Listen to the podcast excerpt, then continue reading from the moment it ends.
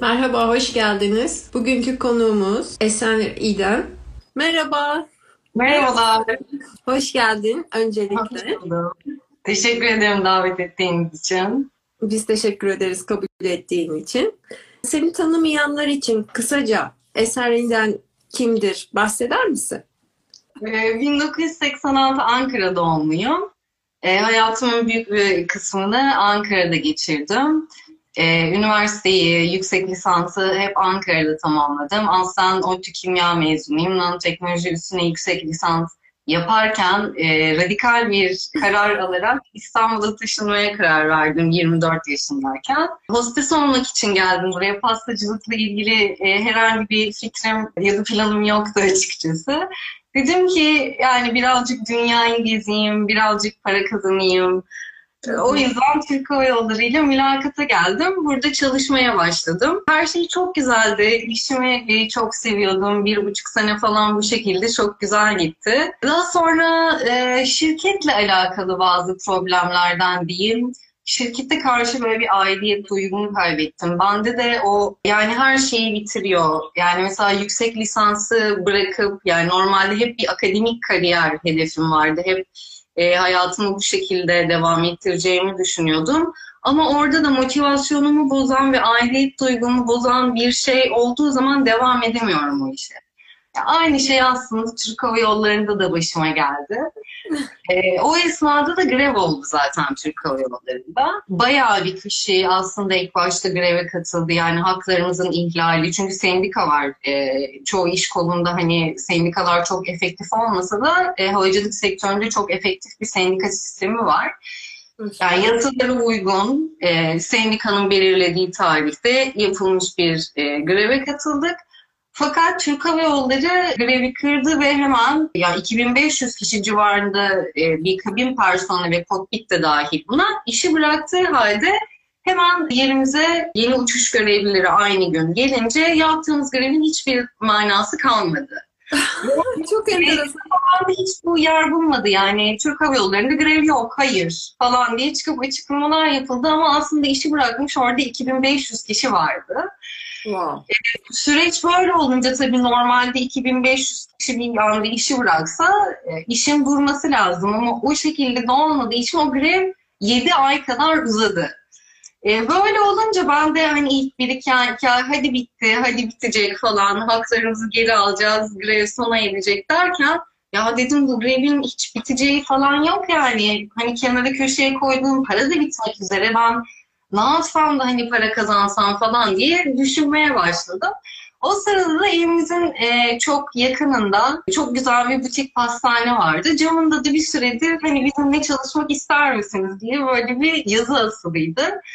Dedim ki yani girip sorayım hani belki benim de yapabileceğim uygun bir şeydir. Böyle pastaya karşı falan bir ilgim vardı. Mesela yemek falan yapmaktan hala hiç hoşlanmam. Ama eskiden de böyle pastaydı, kurabiyeydi falan gibi şeylere ilgim vardı. Çok da güzel bir yer. Yani bu süreyi bu şekilde geçirebilirim diye düşündüm.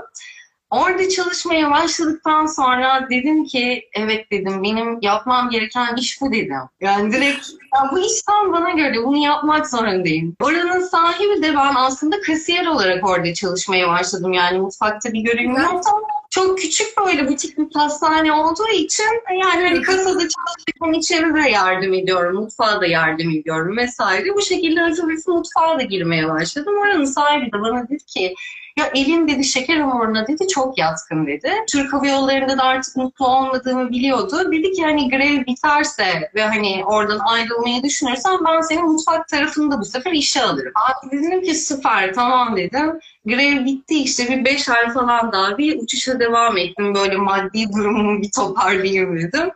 Ondan sonra yine o pastanede e, bu sefer daha çok mutfak ağırlıklı ama yine ön tarafta resepsiyonda karşılamada kasiyer olarak falan da e, çalıştım. Bu şekilde başlamış oldu yani benim pastacılık maceram. Yani evden yaparak değil de pastanede başladım aslında. Hakikaten çok ilginç bir başlangıç hikayem var.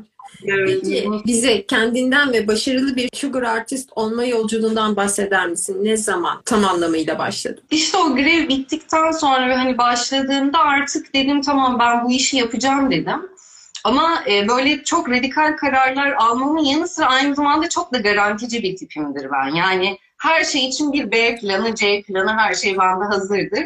Dedim ki ben dedim burada çalışmaya devam ederken dedim bir de yüksek lisans bir tane daha yapayım dedim. İş güvenliği üzerine yapayım dedim. hani bu pastacılık dedim tutunamazsam kimyager olarak yine iş güvenliği uzmanı olarak İstanbul'da çalışırım diye düşündüm. Ondan sonra bir yandan yüksek lisans yapıyorum. Bir yandan pastanede çalışıyorum. Bu sırada öğreniyorum. Yarışmalardan falan mesela orada çalışırken haberdar oldum. Böyle insanları tanımaya başladım. Kim sektörün önde gidenleri kim, hangi pastaneler var, ne ürünler var, nasıl yapılıyor. Bunlar hakkında fikir sahibi olmaya başladım.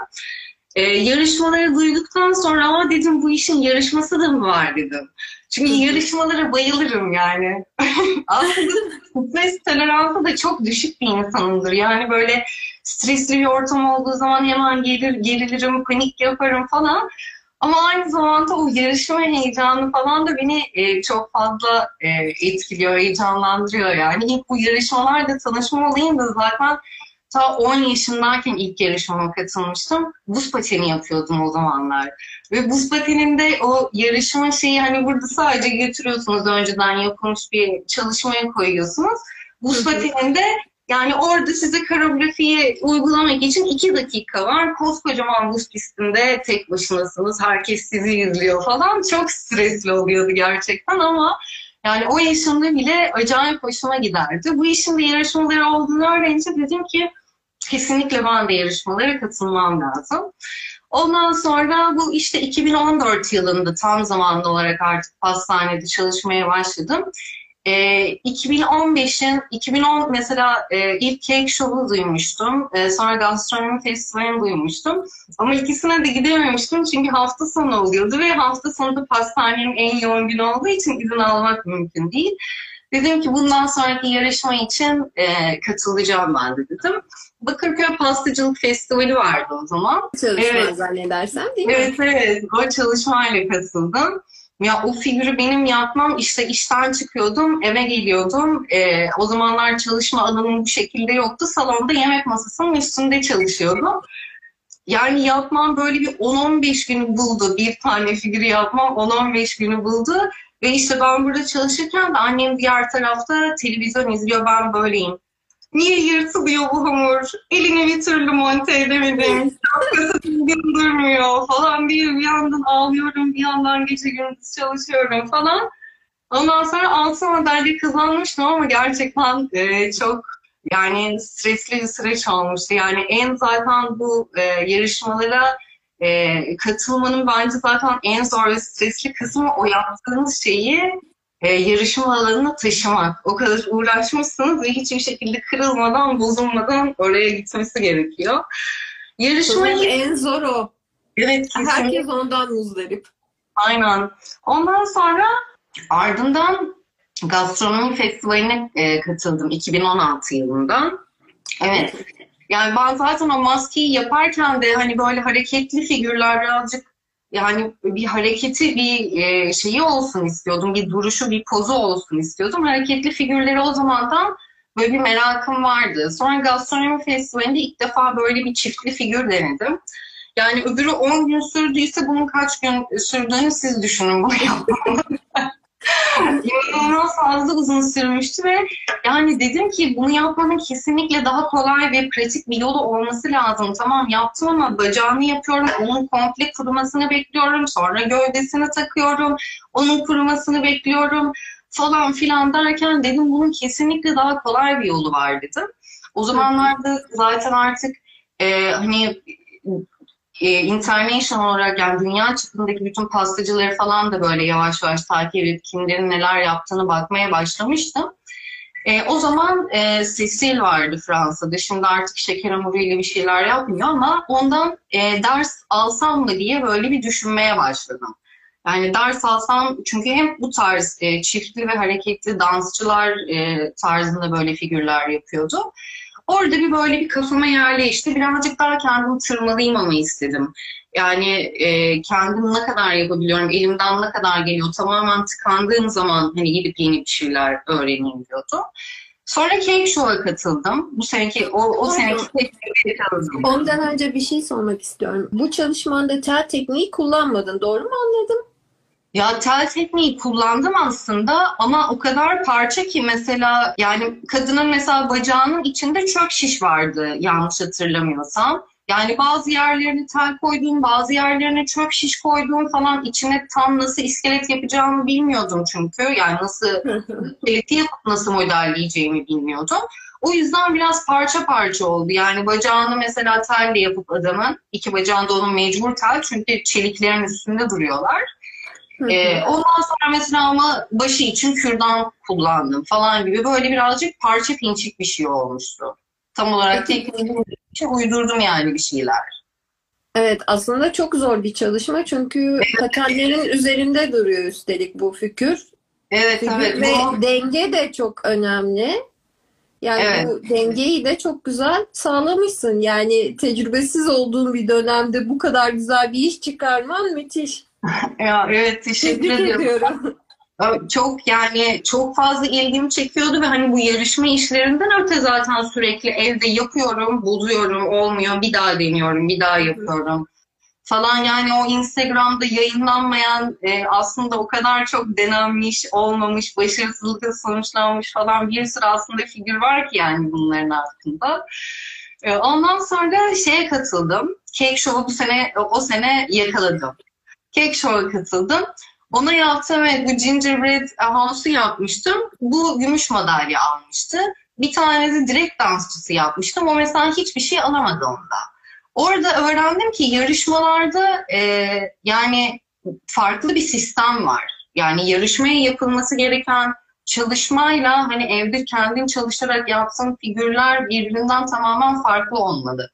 E, zaten e, bu yarışmalarda nasıl figürler yapılması gerektiğini de e, ben bunu öğrencilerime de hep tavsiye ediyorum. Ya bir kere aldığınız madalyanın hiçbir önemi yok. Orada önemli olan diğer insanların çalışmalarını görmek, jüriye orada feedback verirken onların sürekli diğer insanlara da verdiği feedbackleri dinlemek ve hani bir dahaki sefere yaparken bunları göz önünde bulundurarak çalışmak. Mesela onda hiçbir e, ödül alamamıştım.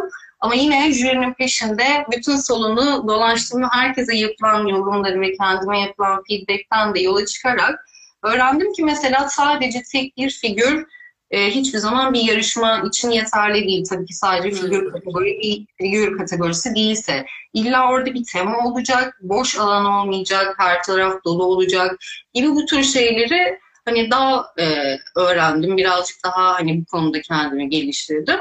Ee, Daha sonra yine aynı sene ben o sene hep yarışmalara katılmıştım sürekli. Evet e, şeyde Master of Cake Samsun'da e, bunu yaptım. Bu da yine bakın mesela biraz boş. Bir daha olsun yani bir daha mesela böyle bir yarışmaya katılsam o alt zemin hiçbir şekilde hani boş bırakmam. Ama e, altın madalya almıştı. Bir de e, salon birincisiydi. O zaman da salon birincisinin ödülü e, olimpiyatlara hani bu çalışma yaptığınız bu çalışmayı olimpiyatlara götürme fırsatı veriyorlardı size milli takımla beraber çalışmanız gidecekti. Ya çok mutlu olmuştum. Yurt dışı yarışmasına katılacağım hem de olimpiyatlar diye inanılmaz mutlu olmuştum. Ama ondan sonra kategorinin e, kurallarını bir okudum. E, minimum 60 santim yüksekliğinde olması lazım olimpiyatlara gitmesi için çalışmanın. Bu çalışmada e, herhalde bilmiyorum 40 falan gibiydi yani minimum sınıra hiçbir şekilde gelmiyordu. Olimpiyatlara da çok az bir vakit vardı yani bunu bir şekilde 60 santim yüksekliğine getireceğim. E, bana verilen feedbackler doğrultusunda e, birkaç daha figür ya da bir şeyler daha ekleyip doldurmam lazım. Çok kısa bir süre içinde e, onu birazcık böyle e, modifiye edip ondan sonra da zaten olimpiyatlara gittim. Orada işte bu çalışmanın modifiye hali var. Böyle basamaklar falan ekledim ona. O da orada altın madalya kazandı. Ondan sonra da zaten e, milli takıma Saşve'de geçtim. Evet böyle altına merdiven yaparak falan yükselttim onu. Oraya iki figür daha ekledim. Birazcık daha gravity falan ekledim. Ondan sonra bu da altın madalya aldı. İnanılmaz. Yani çok hareketli olmuş. Kompozisyon çok güzel. Evet ama şimdi ben mesela buna baktığım zaman o kadar fazla hata var ki diyorum ki ben olsam bunu hayatta altın madalya vermezdim. Galiba geriye dönüp bakıldığında e, yaptığınız Evet. işler pek beğenilmiyor değil mi?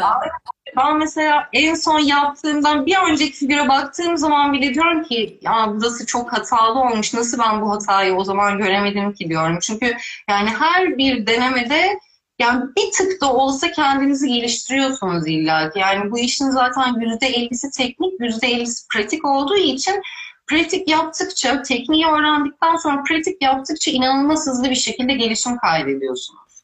Peki bu çalışmada seni en çok zorlayan neresiydi? Şimdi bunların e, hiçbiri yere kaynaklı değil bu figürlerin. Yani orada kaykay yapan adam tam bize bakıyor. Onu yandan göremiyoruz şimdi ama o da kaykayının tek tekeri üstünde e, şeyde duruyor. O barın üstünde duruyor.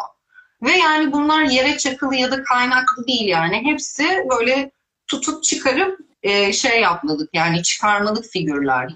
O yüzden o çok Hmm. yüksek ince bir şey, ince bir noktadan taşıdığı için o figür mesela çok zordu. Bisikletli figürün bisikletini yaparken e, kendim lehim yaptım. Bisikleti lehimleyerek yaptım. Daha sonra mesela etrafına şeker hamuru e, kapladım. O da lehim yapmayı da öğrendim o esnada.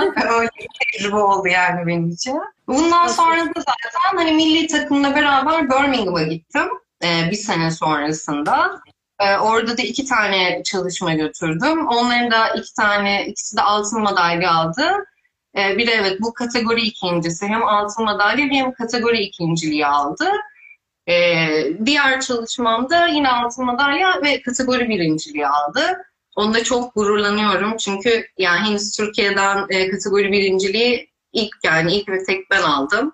O yüzden şu an çok gururluyum o ödülümle.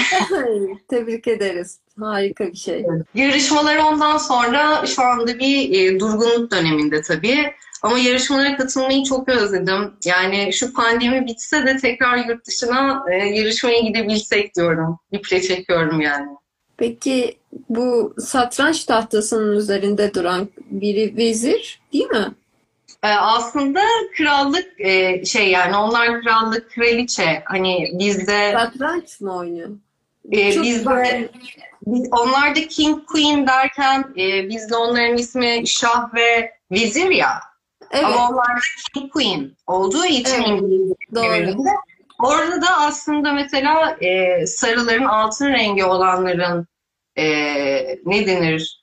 Kralı, kralı değil, şahı oradaki Evet. figürü temsil ediyor. Öbür tarafında vezirini temsil ediyor e, kadın, oradaki kraliçe. Ve tam şahmat hamlesini yapıyor aslında. Taşların dizilişi falan hep e, ona göre. Yani tam bir hamle sonrası şahmat oluyor kral. süper. Süper. Yani öyle bir şey var sanırım yani aslında figürlerde o kadar çok ciddi bir işçilik falan olmamasına rağmen sanırım burada mesela en çok bu fikri beğendiler. Yani fikrin orijinal olduğunu düşündüler. Yarışmalarda orijinal fikir üretmek ve yani işçilik e, yani 50-50 bence önemli oluyor. Yani herkesin yaptığı bir şey yapmak yerine orijinal bir şey yapmak size her zaman ekstra puan kazandırıyor. Değil mi? Evet. Ama hakikaten çok güzel bir çalışma olmuş. Teşekkür ederim. Yani ben genel olarak yani elimden çok beynim çalışıyor olabilir. Sürekli da, yani orijinal ne yapabilirim ya da kendimi zorlayacak mesela ne yapabilirim e, diye sürekli düşünüyorum. E, yeni bir çalışma ya da bir tasarım hazırlarken bunun ya ayırdığım zamanın yarısını düşünerek ve tasarlayarak diğer yarısını da hani çalışarak geçiriyorum. Bir de hakikaten çok hareketli figürler yapıyorsun. Yani her karakter farklı bir pozisyonda duruyor, farklı bir Evet. hareketi var. Yani e, aslında çok zor Evet. çalışmalar. Bu da bu da aynı şekilde e, bu figürlerin hiçbiri kaynaklı değil o e, şeye çalışmaya kaynaklı değil. Figürlerin hepsini ayrı ayrı kutulayıp götürüp orada montajlayarak çalıştım. O aslında aşağıdaki o UFO'da böyle havada duruyordu. Ona pilli ve manyetik bir sistem kurdum oraya. E, yani şöyle azıcık şu kadarcık bir havada durup dönüyordu o. Aa, Yani Evet, tabii ben e, ödüller açıklanana kadar vesaire onun pili bitti. Pilini değiştirmedim nasıl olsa ödüller açıklandı diye. O yüzden fotoğrafı yok. Hiç doğru düzgün bir fotoğrafını bile de çekmemişim. Aslında bakın şurada. Yukarıda şuradan göstereyim. Şurada duruyor hala. Aa çok güzel. Hiç doğru düzgün bir fotoğrafını çekmemişim. Şimdi de artık yani kırıldı, döküldü. Fotoğrafını çekecek pek bir durum kalmadı. Ee, de yolladığım fotoğraflarda fotoğraf kalitesi çok kötü. Fotoğraf olayında kendimi geliştirmeye çalışıyorum bu aralar. Biraz yol kat ettiğim gibi yani. Gün ışığında çekersen çok daha kolay oluyor. Atölyem hiçbir şekilde gün ışığı almıyor. Yani tek bir tane cam var. O da günün çok e, böyle e, kısa bir döneminde iyi bir ışık alıyor. O bile yetersiz. Balkon var mı?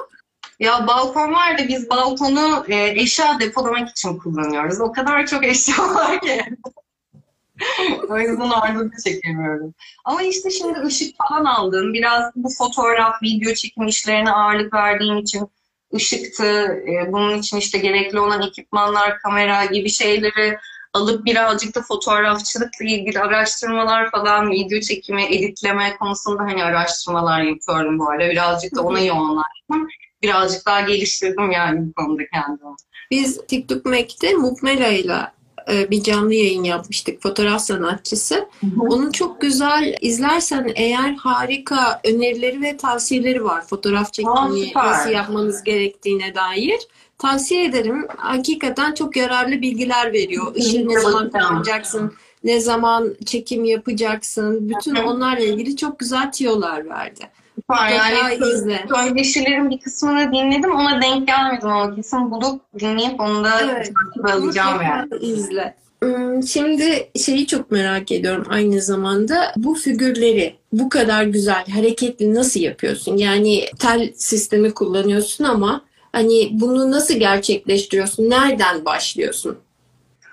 Evet, bunu, bunu belli bir sıralamayla yapıyorum. Derslerde de bu sıralamanın zaten mesela çok önemli olduğunu söylüyorum. Belli bir sıralamada e, giderek yapıyorum. Çünkü planlama kısmı da önemli. Mesela en başta hangi boyda figür yapacağımı karar vermem lazım. E, boyutuna karar verdikten sonra o boyuta uygun tel seçmem lazım. E, teli düzgün seçmek çok önemli. E, daha sonra her boya uygun insan e, yani e, insan gerçekçi bir insan yapacaksan ona göre şablonlarım var her boya uygun bir şekilde. Evet genelde mesela e, 27 santim 25 santim civarında oluyor figürlerimin boyu.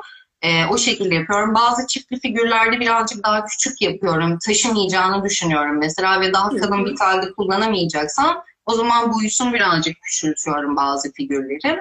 E, teli seçtikten sonra e, İskeleti yaparken dikkat ettiğim en önemli nokta mesela bu figürde de patinin en altından ki bu maket alt tarafı straforun en altından ta kadının en üstüne kadar yani çiftli figürde kadının elinin bu havaya kaldırdığı bu elin içine kadar hepsi sadece tek bir telden oluşacak.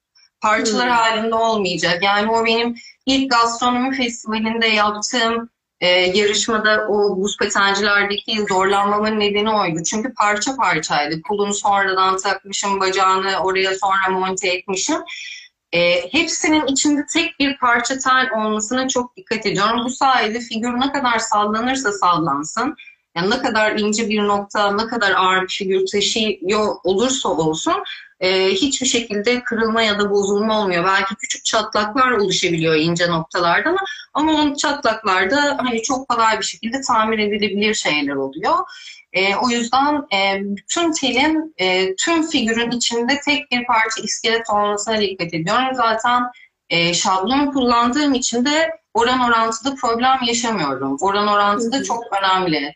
Yani hepsi figürün hepsini tek bir parça halinde yapmanın öyle bir avantajı da var. Böylece dizinler de başlıyor, e, dirseğinler de olacak. Bütün duruşu en baştan görmüş oluyorsunuz zaten. En çok bunlara dikkat ediyorum. Bu figürler için referans foto mu kullanıyorsun? E, şöyle oluyor. Bunun için mesela referans foto kullanmadım. E, bakıyorum. E, eğer e, yani kafamda bir, bir şeyler canlanmış oluyor. Referans alabileceğim bir fotoğraf var mı diye bir internette tarama yapıyorum. Mesela işte ArtStation'a bakıyorum.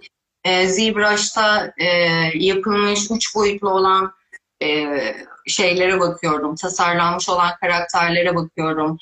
E, genel olarak tam kafamda yapmak istediğim şeyi bulamıyorum. Ama e, mesela kolunu şöyle kaldırmış bir tane adam görüyorum. Onu görmüş oluyorum. Ondan kolunun duruşuna dair fikir elde ediyorum. Ve onu o kısmına figürümde uyguluyorum ki hani anatomide hatalar yapmayayım.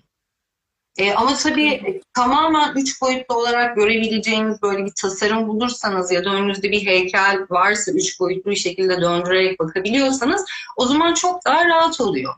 Ama en başlarda ee, yani en başlarda bu şekilde üç boyutlu modellerden ZBrush programında mesela tasarlanıyor bu şekilde şeyler ve siz internetten farklı açılardan fotoğrafını çekilmiş bir şekilde mesela bir insanın bulabiliyorsunuz. En başlarda o şekilde yapmaya başlayıp anatomiyi de daha fazla oturttuktan sonra artık hani kafamdan da bir şeyler yapabiliyorum. Mesela en son e, paylaştığım e, figürü tamamen kafamdan uydurdum.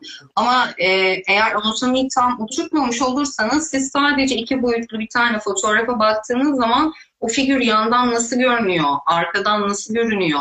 Bunları tam olarak bilemediğiniz için anatomide bazı hatalar yapabilirsiniz. Hakikaten hani bir figürü yapmakta en çok zorlandığım şey Üç boyutlu düşünmek. Üç boyutlu düşünme kısmı evet. O yüzden e, farklı açılardan çekilmiş fotoğraflar ya da üç boyutlu hani bir biblo tarzı bir şey olduğu zaman ona baktığınız zaman bir heykel e, evet, ana, şey, hareketli anatomi modelleri var. Yani evet. her tarafı hareket eden. Mesela onlar evet. çok başarılı. Aynen, yani doğru hareketleri yakalamak için. Evet, evet, ZBrush hani 3D siteleri dolaşıp oradaki üç boyutlu çalışmaları incelemek de çok yani çok istiyor. fazla inanılmaz fazla görsel var. Ee, hani o o e, figürün belki duruşunu beğenmezseniz ama onu bakarak yapıp anatomiyi öğrenmenizi sağlayacaktır.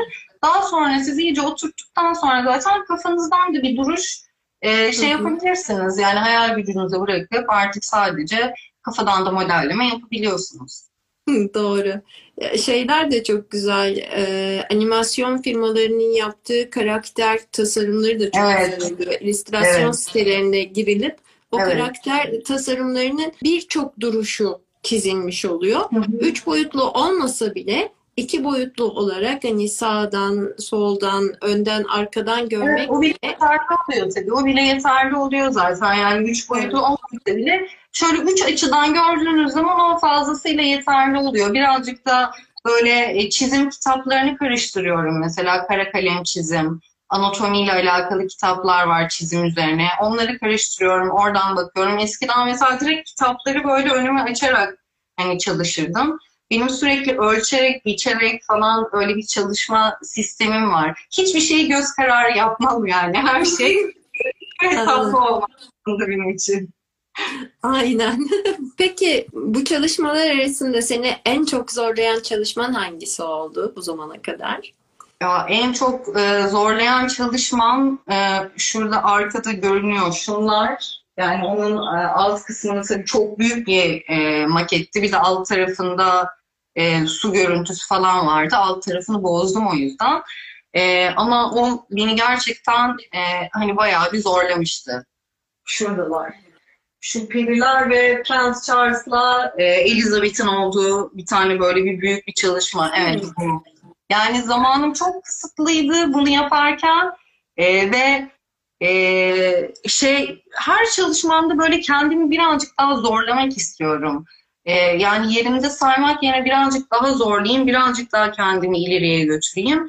Ya, o yüzden burada kendimi bayağı bir zorladım. Hani bilmediğim malzeme, mesela su görüntüsünü nasıl yapacağımı o zaman bilmiyordum. İlk bunun üstünde deneme e, teşebbüsünde bulundum yani. Ve sonuçta orası olmazsa altta yaptığım bütün kısım da orası da bozulacaktı. Yani oradaki bütün işçiliğim de gidecekti. Yani o beni birazcık zaman açısından hem zorladı hem çok fazla ilk defa deneyeceğim şey vardı içerisinde. E, iskeleti de zordu. Ee, Hangi teknikleri kullandın bu pastanın üzerinde? Kaç teknik var? Arkada gök kuşağında izomat var. O perilerin e, eteklerinde e, şey var. Pirinç kağıdıyla yaptım perilerin eteklerini. E, yukarıda Pardon? kana- şunlar evet aynen onları pirinç kağıdıyla yaptım. Evet. Sonra şeylerin kanatlarını e, Elizabeth ve Prens Charles'ın e, kanatları e, jelatinden yaptım onları. Şurada kıyafetinde yenilebilir şey var, cake flash var. Elbisesini cake flash'tan yaptım. Şeker Sugar'ın çok güzel bir ürünü. Öyle desenli bir şeyler yapmak istediğinizde çok e, faydalı oluyor. Başka bir sürü orada yani o kadar fazla teknik var ki aşağılarda boyamalarda falan e, çok fazla teknik var yani. O kadar çok teknik olunca bir de alanım da dar. Yani ne kadar fazla teknik e, ve ne kadar çok malzeme varsa alan da o kadar dağılıyor. Maket de çok büyüktü zaten. Bayağı bir belalı oldu benim için o. Ama çok güzel bir çalışma. Senin çalışmaların arasında benim favori çalışmam bu. Evet ama yine Çok çok fotoğraf çekmişim. yine fotoğrafçılık sınıfta kalmışım yani o konuda. Buradaki mesela bu figürler küçük. Çünkü mesela bunun e, kullandığım elimde mevcut olan telin e, 20 27-25 santimlik mesela bir figürü taşımayacağımı düşündüm. Bunlar çok yani küçük sanırım 15-20 santim arası bu figürler. Bir de 15-20 santim olduğu için suratlar da küçük. Hani benzetme kısmı da o yüzden çok zor oluyor. Yani şu kadarcık bir suratı nasıl benzetebilirsiniz? Evet, Ben şöyle büyüterek gösteriyorum. Evet. Bayağı benzemiş. Evet bayağı bir benzedi yani. Süper mükemmel olmasa da ben de memnun kaldım yani. Evet, çok güzel. E, Bu çalışmanın arkanda orijinali var galiba, değil mi? Orijinali var ama işte o alt kısmı falan yok. Figürleri duruyor sadece yani. Şuradaki periler ve kraliyet ailesi üyeleri. Ben bir sonraki görsele geçeyim derken ancak. Umarım ben cevap Peki bu arada nelerden ilham alıyorsun? Neler sana ilham veriyor? Biraz onlardan bahseder misin? Neler ilham veriyor? Yani ben çok ya bu arada dediğim gibi fotoğraf e, çıldığa birazcık merak saldığım için mesela çok fazla dans özellikle dansçıların fotoğraflarını çeken fotoğrafçıları çok takip ediyorum bu ara. E, oradaki bir poz mesela ilham veriyor. Kıyafetinin duruşu ilham veriyor.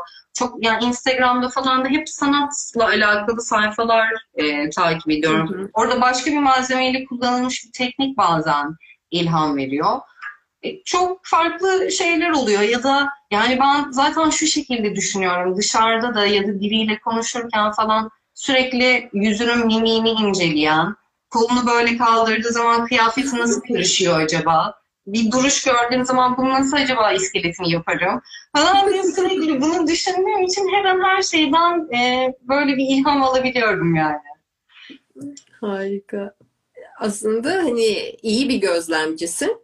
Çok iyi bir bir gözlemci. gözlemci olmak zor bir şey. Yani çok iyi bir gözlemciyim. Bence e, bu gerçekten önemli. Özellikle de e, hani yüz yapmada birazcık daha e, problem yaşayan kişiler bence kesinlikle gözlemlemeli. Yani mimikleri gözlemlemeli. Gözünü bu tarafa çevirdiğinde gözünün şekli nasıl değişiyor, kaşının duruşu nasıl değişiyor. Bunları karşınızdaki insanla konuşurken hani gözlemledikçe e, bakacaksınız ki hani daha kolay, daha gerçekçi, daha güzel yüzler yapmaya başlayacaksınız. Yani gözlem yapmak bence bu işin çok önemli bir kısmı. Evet. Bu arada şu çalışmanı da göstermek istiyorum. Evet mesela bunu Pinterest'te bu tarz bir tane kıyafet görmüştüm. Halloween e, yani Cadılar Bayramı için hani böyle bir buna benzer bir kıyafet tasarımı görmüştüm. Ya aklıma yer etti. Böyle onu da pinlerim arasına kaydettim. Daha sonra bir tane arkadaşımın kızı için hediye olarak yaptığım bir tane pasta vardı. O doğum günü iptal olunca pastası kaldı onun. Ha dedim ki hani bu pastayı kesip yiyeyim mi ne yapayım yani yapacak bir şey yok yani buna. Dedim ki ben o gördüğüm işte bu görsel aklıma geldi. Dedim ben pastayı aynı onun eteği gibi böyle bir tıraşlayayım bakayım. Hem de şu şekilde pasta nasıl tıraşlanıyormuş. Böyle ilginç bir şekilde yapabilecek miyim, becerebilecek miyim hem onu denerim. Ondan sonra onun eteğini öyle tıraşladım. Sonra üstüne de böyle bir tane hemen figür yapıverdim. O elimde kalan pastayı böylece değerlendirmiş oldum yani bir şekilde. E- Elinde çatal tutuyor normalde. Evet çatan tutuyor. Dinner time diyorum. Bu çalışmanın ismini öyle koydum. Çok keyifli bir çalışma olmuş. Evet, ya böyle ilginç şeyler yapmayı e, çok seviyorum. Yani birazcık belki marjinal geliyor ama yani benim çok hoşuma gidiyor. Keşke hani bu tür şeylerle ilgilenen Türkiye'de daha fazla kişi olsa da birazcık daha mesela bu şekilde çalışmalar yapabileyim istiyorum. Değil mi? Ee, daha çok klasik siparişler oluyor. Evet, evet. Aynı Evet, evet. firmalar.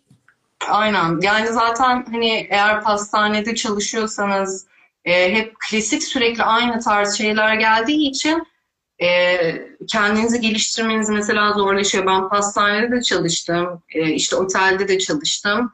Ama 2018'den beri 3 yıl olmuş. 3 yıldır hani bir yerde çalışmıyorum. Sadece hani kendim için figür yapıyorum, dersler için figür yapıyorum. Ve bence en e, hani ivmeli e, kendimi geliştirdiğim dönem bu 3 senelik o e, kendim için çalıştığım dönem. Çünkü pastanede sürekli size aynı modeller geliyor, aynı şeyleri yapıyorsunuz. Evet pastanede çalışmak mesela inanılmaz elinizi hızlandırır. Çok hızlı çalışabilirsiniz. Ama sürekli aynı şeyleri yaptığınız için de birazcık kendinizi e, geliştirmeniz yavaşlar. Çünkü her seferinde kendinizi zorlayacak bir şey yapmanız lazım ki daha iyi Doğru. yapabilin. Evet. Doğru. Yani o yüzden Pastanede çalışsan yani pas, pardon pastanede çalışırken tabii daha aslında e, dediğin gibi daha verimli çalışıyorsunuz. E, Evet. Sürekli aynı şeyleri yaptığınız için de eliniz hızlanıyor ama yaratıcılık e, ne yazık ki zaman içerisinde kalmıyor bence. Kesinlikle öyle yani hiç değilse hastanede çalışma koşulları birazcık daha insani olabilirse insanlar Evet. normal şekilde mesela evine 6'da gelse e, ondan sonra yemeğini falan yedikten sonra bir iki saatte oturup kendini geliştirebilecek bir şey yapmaya enerjisi olsa e, yine olur ama hastanede çalışma şartları o kadar zor ki çok uzun mesai saatleri e, hafta sonu falan gibi yok. Zaten yani bu iş çığırından çıkmak üzere bence kesinlikle bu pastacılık, aşçılık ve hani otel çalışanları için de bir sendika gibi bence bir şey lazım. Hakkımızı hani savunabilmek. Sabah kaçta açılıyor pastaneler? Kaçta kapanıyor? O yani bu hani fırın ürünleri çıkarıp çıkarmadığına göre değişiyor. Mesela sadece butik pasta yapıyorsa, spesiyel pasta yapıyorsa onlar birazcık daha geç açılıyordur. Ama poğaça, simit gibi ürünler çıkarıyorsa yani hava aydınlanmadan onlar açıyor. Butik pasta ekibi tabii birazcık daha mesela bazen geç geliyor olabilir. Çünkü onlar hani fırın ürünlerinde eğer yardımcı olmayacaklarsa onlar biraz daha geç gelebilir. Ama genel olarak yani 8'de en geç hani başlıyor mesai 8'e kadar sürüyor genelde. Cumartesi pazar olduğu zaman 9 olur, 10 olur, 11 olur. Değişiyor yani. Sabahladığımı bile ben biliyorum pastanede. Yılbaşı e, olunca, sevgililer günü olunca falan. Yani herkesin tam evinde keyif yaptığı zamanlarda pastanede harıl olur. Böyle bir çalışma halinde oluyorsun. O zaman yani sonuçta kimse uzun süre böyle bir tempoda çalışmaya dayanamaz. Sürekli bir sirkülasyon oluyordur. Yani Zaten birileri evet. çıkıyor, yerine başkaları alınıyordur muhtemelen. Zaten öyle oluyor. Yani bu bu şeyi abartan pastanelerde hep bu şekildedir. Ee, yani çok hızlı bir devir daim vardır ve bu şey yani fazla hızlı devir daim olduğu için yeni gelen kişi işi öğrenecek. Ee, aynı zamanda eli farklı. Yani o pastanenin yaptığı eski bir sipariş mesela bana geldiği zaman başkasının yaptığı figürü benim yapmam mümkün değil. Değil. E, Doğru. yani O yüzden o pastanede süreklilik de yani ürünlerinde bir standart bir kaliteyi yakalayamadığı için o pastane de aslında gelişemiyor yani. Doğru. Yani o yüzden bence pastaneler e, hani elemanlarına birazcık sahip çıkıp güzel maaş verip insani koşullarda çalıştırıp kendilerini geliştirmeleri için onları workshoplara gönderip yani elemanları üzerine birazcık e, yatırım yaparlarsa pastaneler için de daha iyi olacaktır. Çalışanlar için de daha iyi olacaktır. Doğru. Sırf bizde öyle değil. Bizde hani az para verelim, çok çalıştıralım gibi böyle bir mantık olduğu için ne e, işveren gelişebiliyor ne işçiler kendini geliştirebiliyor. Hani bence sendikalaşmak şart gerekirse greve çıkmak lazım. Haklısın. ya evet bu en sevdiklerimden bir tanesi. Bu da bunda Şeker Sugar'ın e, fotoğraf çekimleri için yapmıştım. Ya bunda bile e, bir fotoğraf çekimi alt tarafı yani bir yarışma değil bir şey değil falan ama böyle e, bir şeyler olduğu zaman bile mesela elimden gelenin en iyisini yapayım bir de kendimi nasıl zorlayabilirim diyorum. Hadi bu sefer çiftli figür yapayım bir de ellerinde enstrüman olsun o nasıl Bunu da o şekilde yapmışım. O da hala burada yani bakın arkada sapa sağlam duruyor yani. Bütün enstrümanların içinden de e, elinin devamı olarak yine tel geçiyor. Elinden hiçbir şekilde enstrümanın düşme ihtimali yok. Kolunun kopma ihtimali yok. Yani bu sayede aslında alıştıktan sonra bu tekniğin figürleri yapmak çok kolaylaşıyor. Peki bu bulutlar neden yapıldı? Highlighting bulutlar. Onda böyle içlerinde folyo var. Şu şekilde içlerinde aslında bir tane ana tel var buradan çıkan ve o ana tel dallara ayrılıyor. O ana e, dalların üstünde de folyolar var. Hafifletmek için her zaman kullandığım bir teknik zaten. E, folyoların üstüne de royalizing sıkarak çok rahat bir şekilde çok kolay bulut yapmıştım. Evet. Royalizing çok sağlam yani öyle dökülen, e, kokan, bozulan bir üründe olmadığı için yine maket olarak senelerce saklanıyor. Evet. Teşekkür ederim. Peki yeni projelerin var mı? Yeni projelerim işte dediğim gibi bir fotoğrafçılık, bir video çekme, video editleme sevdasına tutuldum. Ee, onun için e, bu ya aslında bu her zaman böyle aklımda olan bir şeydi. Bir internet sitesi açmak ve oraya e, hani düzenli böyle e, videolar yüklemek, orayı bir arşiv haline getirmek, hem ücretli eğitimler hem ücretsiz eğitimler olsun o şekilde bir platform yapmayı zaten çok istiyordum. E, kesin burada izleyenlerden de bilenler vardır. Serdar Yener'in aynı o ona benzer bir bu tasarım listesi var. Onu gördükten sonra dedim ben de böyle bir şey yapmalıyım. Hani birazcık daha üstüne eklemek istediğim e, farklı şeyler de vardı kafamda. Bu pandemiyi böyle bir fırsata çevirip kendimce hani madem zaten sürekli evdeyim hiçbir yere gidemiyorum birazcık bilgisayar başında vakit geçireyim diye bu projeyi e, hayata geçirdim. Henüz şimdi daha iki tanecik orada eğitimim var. Ama çok kısa bir süre içerisinde yani oraya birazcık daha yoğunlaşıp e, oraya ücretsiz ve ücretli eğitimler, aynı zamanda e, sitenin kendi e, ödeme altyapısı var. Yani oradan girip ödeme de hemen direkt yapılabiliyor. Dünya çapında yani PayPal hesabından da insanlar ödeme yapabiliyor. Kredi kartından da ödeme yapabiliyor. E, böyle bir altyapı oluşturduğum için de yani aynı benim gibi yurt dışında e, ondan ders almak isteyen ama bu ödeme sistemi ya da videoların gösterimiyle alakalı hani problem yaşayan benim gibi eğitmenler varsa diye onların da katılıp videolarını yükleyip aynı zamanda satış yapabileceği bir e, eğitmen platformu da mesela orada oluşturmayı düşünüyorum. Ama tabii yani bunlar bayağı bir uzun e, süreç alacak. Çünkü bende bir de şöyle bir şey var. Yani bir, bir işi yapıyorsam e, o işi benim de bilmem lazım. Hani benimle beraber çalışan bir ekip olsa bile yani o ekipteki o diğer kişinin yaptığı şeyi benim de bilmem lazım. Hani acil bir durumda birazcık böyle bir kontrolcü bir yapım olduğu için şimdi hem e, beraber çalıştığım bu iş için iki kişi var. E, aynı zamanda ben de öğrenmeye çalışıyorum. O yüzden hem öğrenip hem yapmak birazcık hafif yavaş ilerliyor.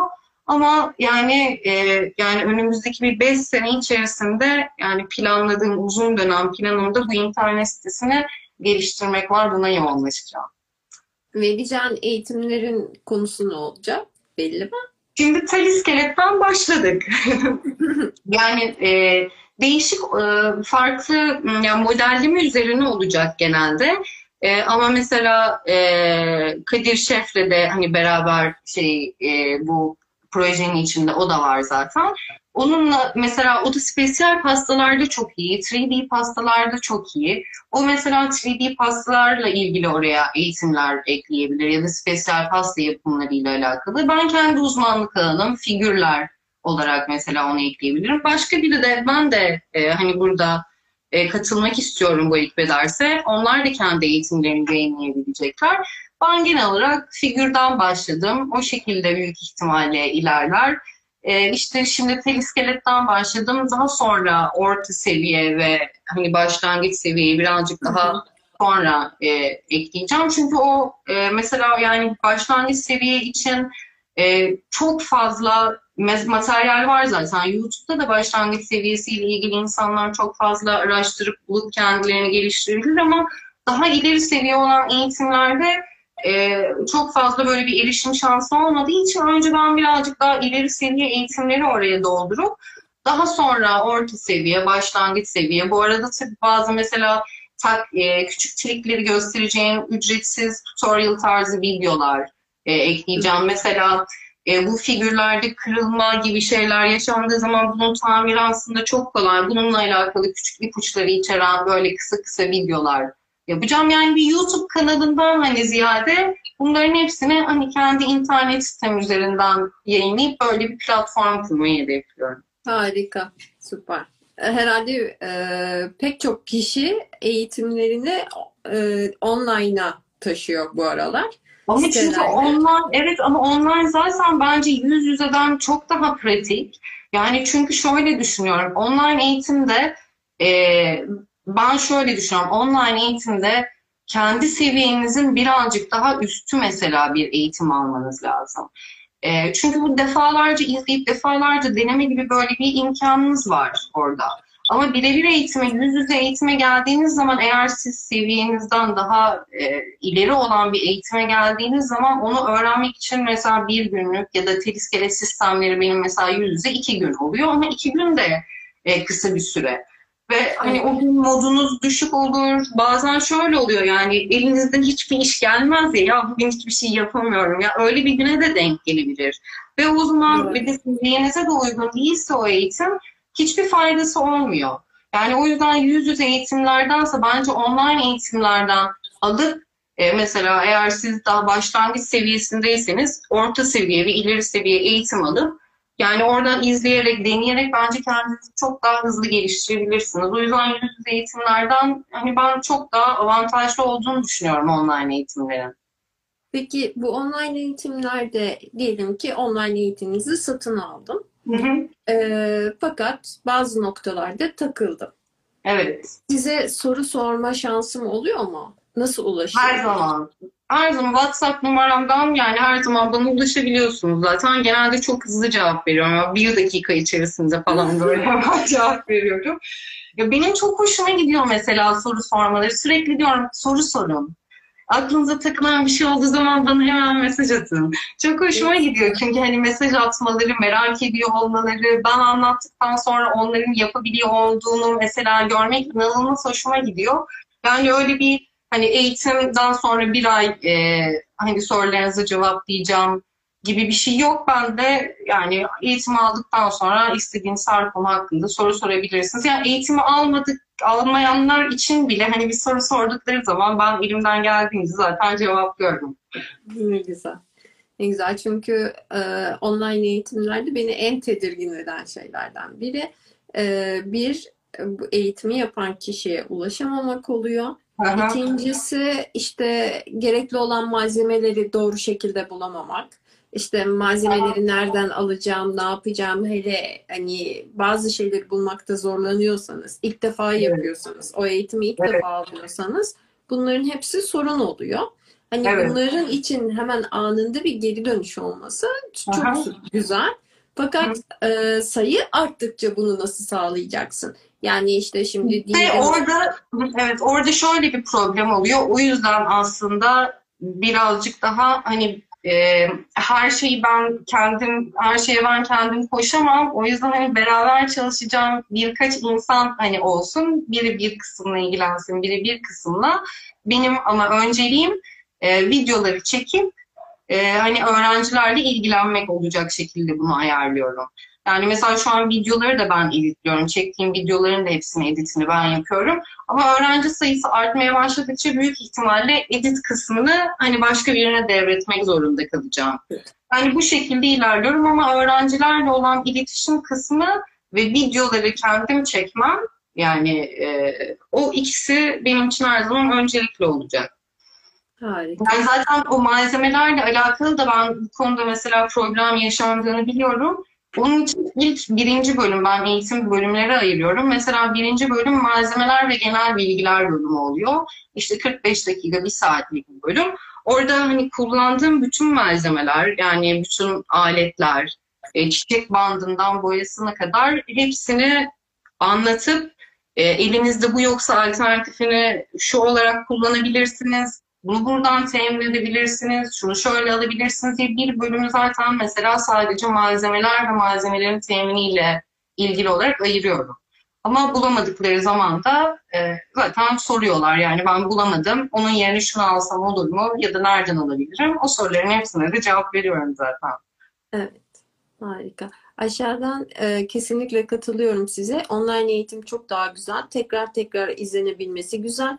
Ayrıca farklı şehirlerde hatta farklı ülkelerde yaşayan ve sizin bulunduğunuz şehre gelemeyenler için harika demiş. Kesinlikle. Yani şimdi dünyanın her tarafından öğrencilerim oldu bu online sisteme geçince.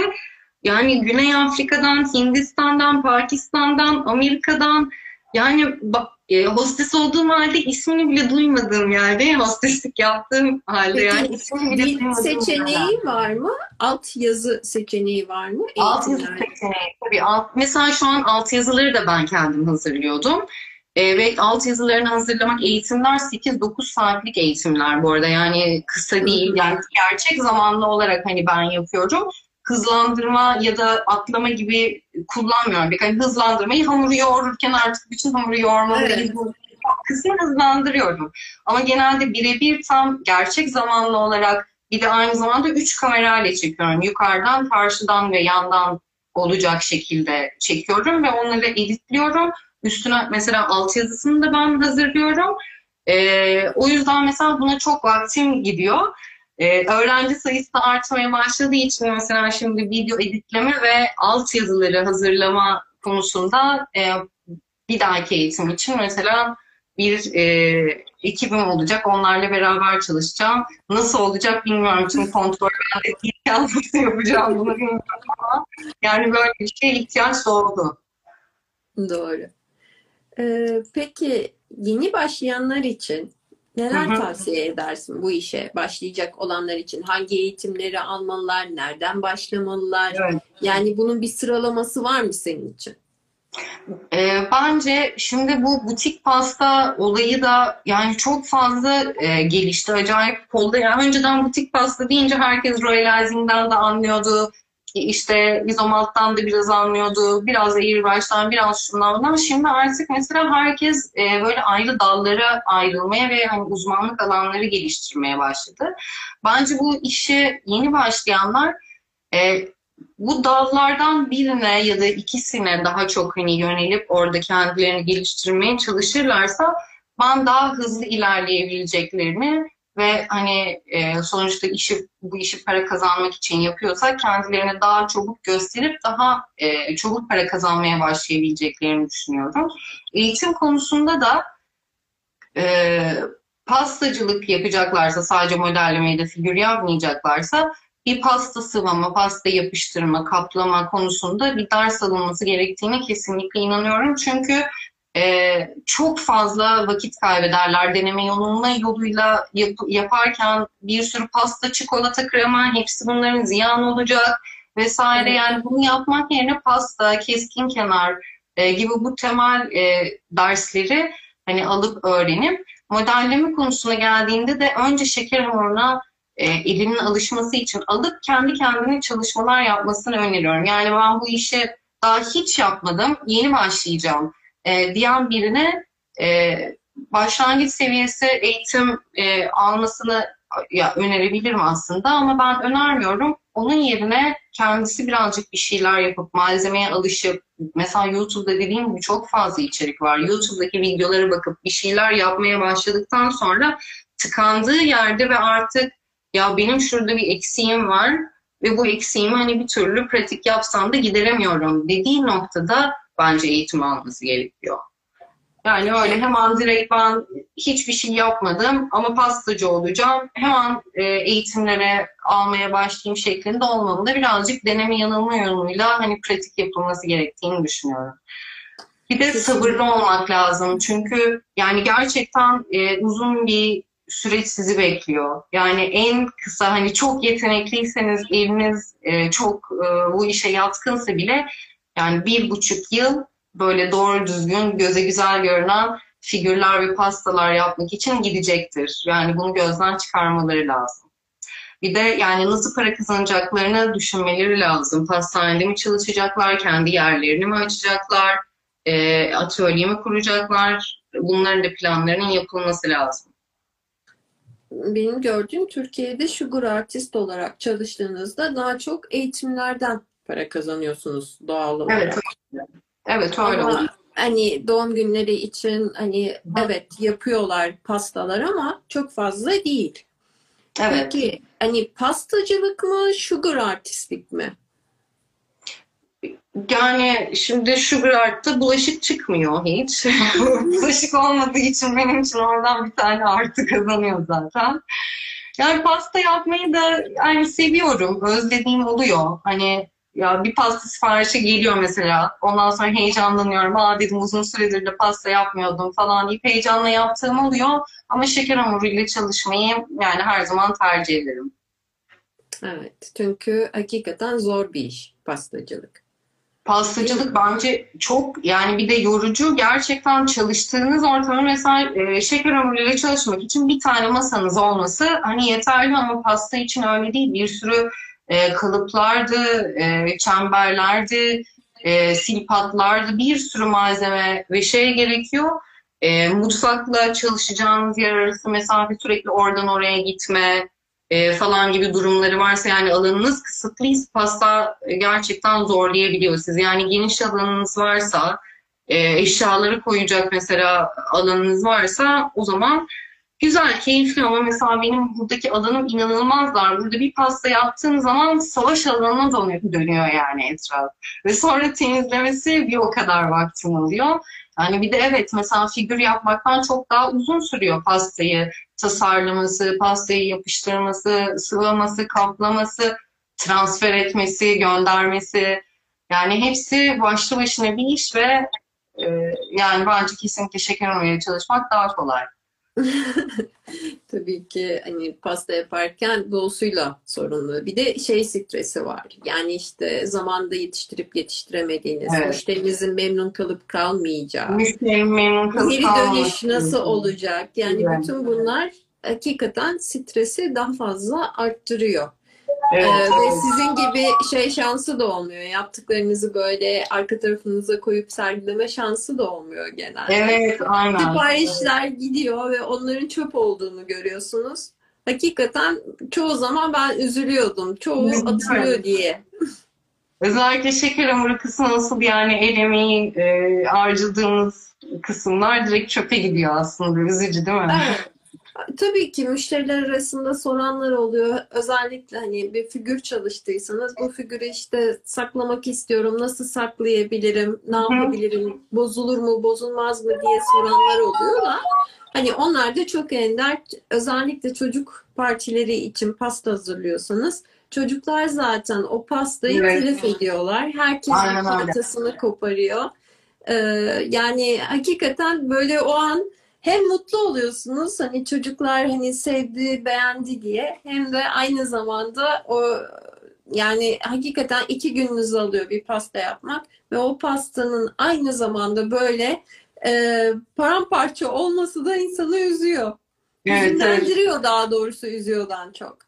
Yani ben işte son zamanlarda yani zaten hani artık şey e, pasta almıyorum. Hani Minnie Mouse, Mickey Mouse ya da hani o tarz pastaları almıyorum. Daha çok hani kişiye özel pasta alırsam alıyorum. Son zamanlarda böyle bir çekirdek aileli pastalar bana çok gelmeye başladı. Mesela onları yapmayı çok seviyorum. Onlar oldu mu çok heyecanlanıyorum. İşte benzetme figürler falan. Üstünü çıkarıp ondan sonra hani saklıyorlar o figürleri. Öyle olunca çok memnun oluyorum. O pastalar mesela hoşuma gidiyor. Yapması güzel oluyor onları. Senin diğer figürlerinden de göstereyim bu arada. Evet, bu işte online e, eğitimi olan figürüm bu. E, bu online eğitimler için mesela bana hep e, şey soruluyor, çok soruluyor. Yani bu model değil de hani başka bir model hani çalışabilir miyiz? E, yüz yüze eğitimlerde bu çok soruluyordu. Ben bu mesela eğitimdeki figürleri özel olarak e, ayarlıyorum.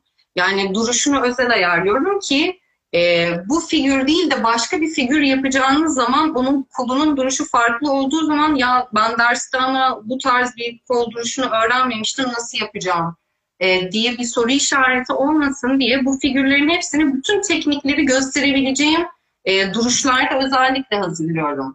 Yani mesela çok havalı gelmiyor bu figürlerin duruşları insanlara. Başka yaptığım figürleri beğeniyorlar. Diyorum ki bu figürü yapması öbüründen daha zor. Bu bunu e, öğrendiğiniz zaman daha fazla şey öğrenmiş olacaksınız diyorum.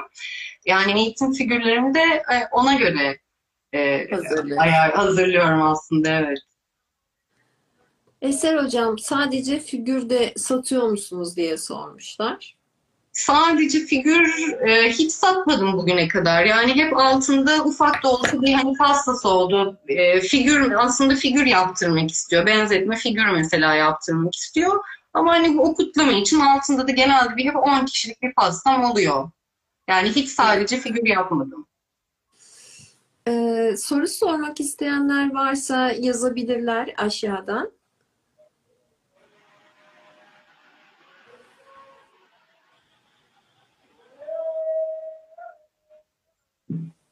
Kimse yok herhalde. evet, ben bu arada şeylere bakıyorum. Süper, harika hocam. Çok güzel. Ee, siz ve hata imkansız demişler. ya teşekkür ederim. Ama öyle değil yani. Ben mesela Hareketli bakıyorum. figür yapmayı nasıl öğrendiniz diye sormuş biri. Yani ilk başta işte deneye deneye öğrendim gibi bir şey. Daha sonra dediğim gibi Fransa'da ders aldım. O kısmını atladım galiba. Ders almayı kafaya koydum dedim size. Ama ondan sonra ders aldığımı söylemedim. Gittim. Evet. Fransa'da Cecil e, Beau var. E, şu anda artık kartondan mobilya yapıyor. Yine ilginç bir iş yapıyor. Şeker hamuruyla uğraşmıyor. E, ama ondan ders aldım. O bu tarz çiftli figürler de bence hala en iyisi yani dünyanın yapması bile. Ondan tekniği öğrendim. E, kendim sonra yıllar içerisinde birazcık geliştirdim. Kendime daha kolay gelen şekilde adapte ettim, modifiye ettim yani tekniği. Şimdi de size anlatıyorum. Süper, çok güzel. Arkadaşlar soru sormak isteyen var mı? Sadece figür göndermek isteseniz nasıl bir paketleme yaparsınız? Yani o e, sanırım nasıl bir figür olacağına göre değişir. Ben mesela dediğim gibi bu yarışmalarda e, figürler yerinden çıkabilir şekilde e, yapılmıştı. O mesela şey değil ama satrançlı olan da kaynaklı yere. O iki figür de kaynaklı. Ama bu şu yukarıda Birmingham'a yaptığım ikincisi kaynaklı değil o figürler. Yani sadece ince terle yapılmış ve hepsi yerinden çıkıyor. Onların hepsini kutulara, küçük kutulara, ayakkabı kutusu gibi kutulara koyuyorum. Altına elyaf dolduruyorum. Poşetlerin içine koyulmuş elyafla dolduruyorum. E, figürüm koyuyorum üstüne sonra tekrar elyaf koyuyorum. O e, patlayan o baloncuklarla falan sarıyorum. Ve bu şekilde mesela figürleri tek tek götürüyorum. E, yani böylece mesela hiç zarar görmüyorlar. Orada da yarışma alanına gittiğim zaman da monte ediyorum. Ama şimdi kargo ile göndermek istesem hani ben düzgün taşıyorum. Onu kendim evet, taşıyorum. Düzgün taşımıyor, taşıyorum. Ama kargo ile göndermek istesem e, yani herhalde bu şekilde hareketli bir figürü kargo ile götürmek kaynaklı olsa bile e, mümkün olmaz gibi geliyor bana. Yani çok iyi paketlenirse belki. Ama yine o kargocu bunun inisiyatifine kalmış bir durum Yani olacak. belki figürün e, kutu içerisinde hareket etmesini engelleyecek destekleyiciler olması Evet gerekir. o işte el yapı olacak. Ya Aynen. da e, tam figürün formunda bir sünger kesilmesi gerekiyor ki onun içerisine Evet. yerleştirilsin. O ikinci dediğiniz, ikinci dediğiniz şekilde yapılabilir yani. Biraz uğraştırır ama en sağlam o şekilde olacaktır yani. E, herhalde süngerleri şekillendiren yerler de var. Firmalar Öyle mi bilmiyordum mesela. Gibi. Ee, o tür firmalarda belki yaptırılabilir. Çünkü mücevherat sektöründe ve farklı sektörlerde hani şey çok kullanılıyor. İçi e, e, ürünün şekline göre kesilmiş süngerler. Hani onu da bir internette araştırılırsa Belki Evet, gerçekten. ama maliyetli olur muhtemelen. Maliyetli olur büyük ihtimalle. Ee, Ama belki strafor sistem- strafor e, yani şu an strafor sektörü özellikle Türkiye'de çok e, gelişti diye görüyorum ben. Çünkü her şekilde 3D olarak o straforları Yapıyorlar. çok güzel yapıyorlar. Yani e, figürünüzün şeklinde bence straforu da iç kısmına oyup hani böyle e, hareket etmeyecek şekilde figürü yerleştirebileceğiniz bir stand oluşturabilirler diye düşünüyorum ben. yani, Yani olabilir ama hani fayda var. Evet, uçuşan hani kıyafet ya da böyle işte ince kanat gibi falan bir şeyler olursa onlar hani büyük ihtimalle o şekilde bile kırılır. Ama hani Evet. derli toplu hani kıyafeti böyle çok uçuşan ince çok ince noktalar yoksa o şekilde gidebilir. Belki yine parmaklar sıkıntı çıkar, çıkarabilir. Çünkü en çok parmaklar kırılıyor. Aa, o yüzden mesela büst, büst yarışmaları da bu arada fark etmişsinizdir. Yarışmalarda bu arada bir büst şeyi var. Herkes büst yapıyor yarışmalara. Çünkü transferi çok kolay. Kırılacak hiçbir şey yok. evet. O yüzden hani eğer şehir dışına figür gidecekse hani benzetme figür olacaksa hani ben onu büst yapmayı teklif ederim. Böylece zararsız bir şekilde gider. Evet, doğru. Bir de şey, e, internette yine gördüğüm bir e, bir tür silikon malzemeyle kalıp alıyorlar ama o malzemenin ismini tam bilmiyorum. Hatta araştırıp onu öğrenip paylaşayım olmadı. E, yaptığınız herhangi bir figürün e, dış e, kısmına figüre zarar vermeyecek şekilde galiba bir sprey sıkıyorlar. Bir koruyucu sıkıyorlar. Ondan sonra silikona benzer bir şey, sıvı bir şey döküp ee, onun içerisinde figürün şeklini alıyorlar. Evet. O da ilginç ama e, onu bir ben izlediğim yeri bulup paylaşayım. Hakikaten şey- belki yardımcı olur. Otelde kullandık öyle bir şey. Ee, şeyler vardı. Ee, otelde işte golf resort otel gibi bir şeydi yani golf oynanan bir kısmı da vardı otelin. Ee, orada golfçülerle alakalı böyle güzel biblolar vardı böyle büyük. Hani bunları çikolatadan yapalım e, dedi oranın aşçıbaşısı. Biz de şey dedik yani e, bunun kalıbını çıkaralım. Aynı o şekilde gittik böyle ben de tam ismini hatırlamıyorum. Böyle yine bir şeyleri birbirine karıştırıyorsunuz. Evet, evet. Ondan sonra ona böyle biz bir kutu yaptık o biblolar için. Her tarafı şöyle yani üç tarafı yani bir tek üstü açık kalacak şekilde bir tane kutu hazırladık. Ondan sonra onu içine yerleştirip döktükten sonra kuruduktan sonra kenarları çıkardık. Ortadan da şöyle güzelce kestik.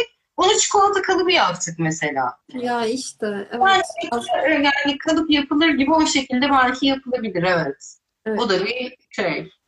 Çok tatlısınız. Çok teşekkürler. Birkaç anlatımınızı izledim. Gerçekten hem görüntü hem anlatımınız çok güzel demiş. Ha, teşekkür ederim. Bilgilere ulaşabilmek artık daha kolay olduğundan butik pastacılar sayı olarak çok fazlalaştı. Sektörün geleceği hakkında ne düşünüyorsunuz ve uzun ömürlü olabilmek için neler önerirsiniz demiş Hasret Kaya. uzun ömürlü olabilmek için yani yani bence e, bir birilerinden hani bakıp birilerini kopyalamak yerine kendi tarzınızı oluşturduğunuz zaman kendi yapmaktan hoşlandığınız şeyi e, yapmaya başladığınız zaman bence uzun ömürlü olursunuz. Çünkü yaptığınız işten hiçbir zaman sıkılmayacaksınız ve kendinizi hani geliştireceksiniz. O yüzden başka insanların Aa, bu mesela şu an çok popülermiş ben de onu yapayım e, demek yerine popüler olanı kendiniz yaratacak şekilde mesela kendinizi geliştirmek bence önemli. Ondan önce ne sormuştu Hasret Hanım? Bir şey daha sormuştu. Ee, sektörün geleceği çok- hakkında ne düşünüyorsunuz demiş. Yani şey tabii ki de yani şu an bayağı bir gerçekten e, popüler olan bir meslek ama yani herkes tabii ki de sektörde kendine bir yer maalesef bulamayacaktır. Dediğim gibi sabırlı olmak çok önemli. Yani bir anda e, çok hızlı gelişebildiğiniz bir iş kolu değil yani böyle çok fazla zaman ve pratik ve sabır gerektirdiği için yarı yolda illaki pes edenler olacaktır. Pes etmeyen ve kendini geliştirmeye devam edenler de kalıcı olacaktır. Yani her işte olduğu gibi bence. Çok teşekkürler. Çok doğru. Ee, çok teşekkür ederim aydınlattığınız için. Çok tatlısınız. Çok güzel bir program. Bizler için çok faydalı oluyorsunuz. Çok teşekkürler demişler. Biz Ben teşekkür ederiz yayına katıldığınız için aynı Ben zamanda. teşekkür ederim. davet ettiğiniz için. Ee, Zannedersem başka soru yok. Tamam. Teşekkür ederim. Ben Harika bir yayın oldu. Çok içten ve çok doğalsın. Çok teşekkürler. Ben Çok de öyle. Çok bilgilendirdin. Çok güzel cevaplar verdin. Çok mutlu oldum. Umarım faydalı oldu. Ben de çok memnun oldum. Başka bir yayında inşallah görüşmek dileğiyle diyorum. Görüşmek üzere. Tamamdır. Görüşmek üzere. Hoşçakalın.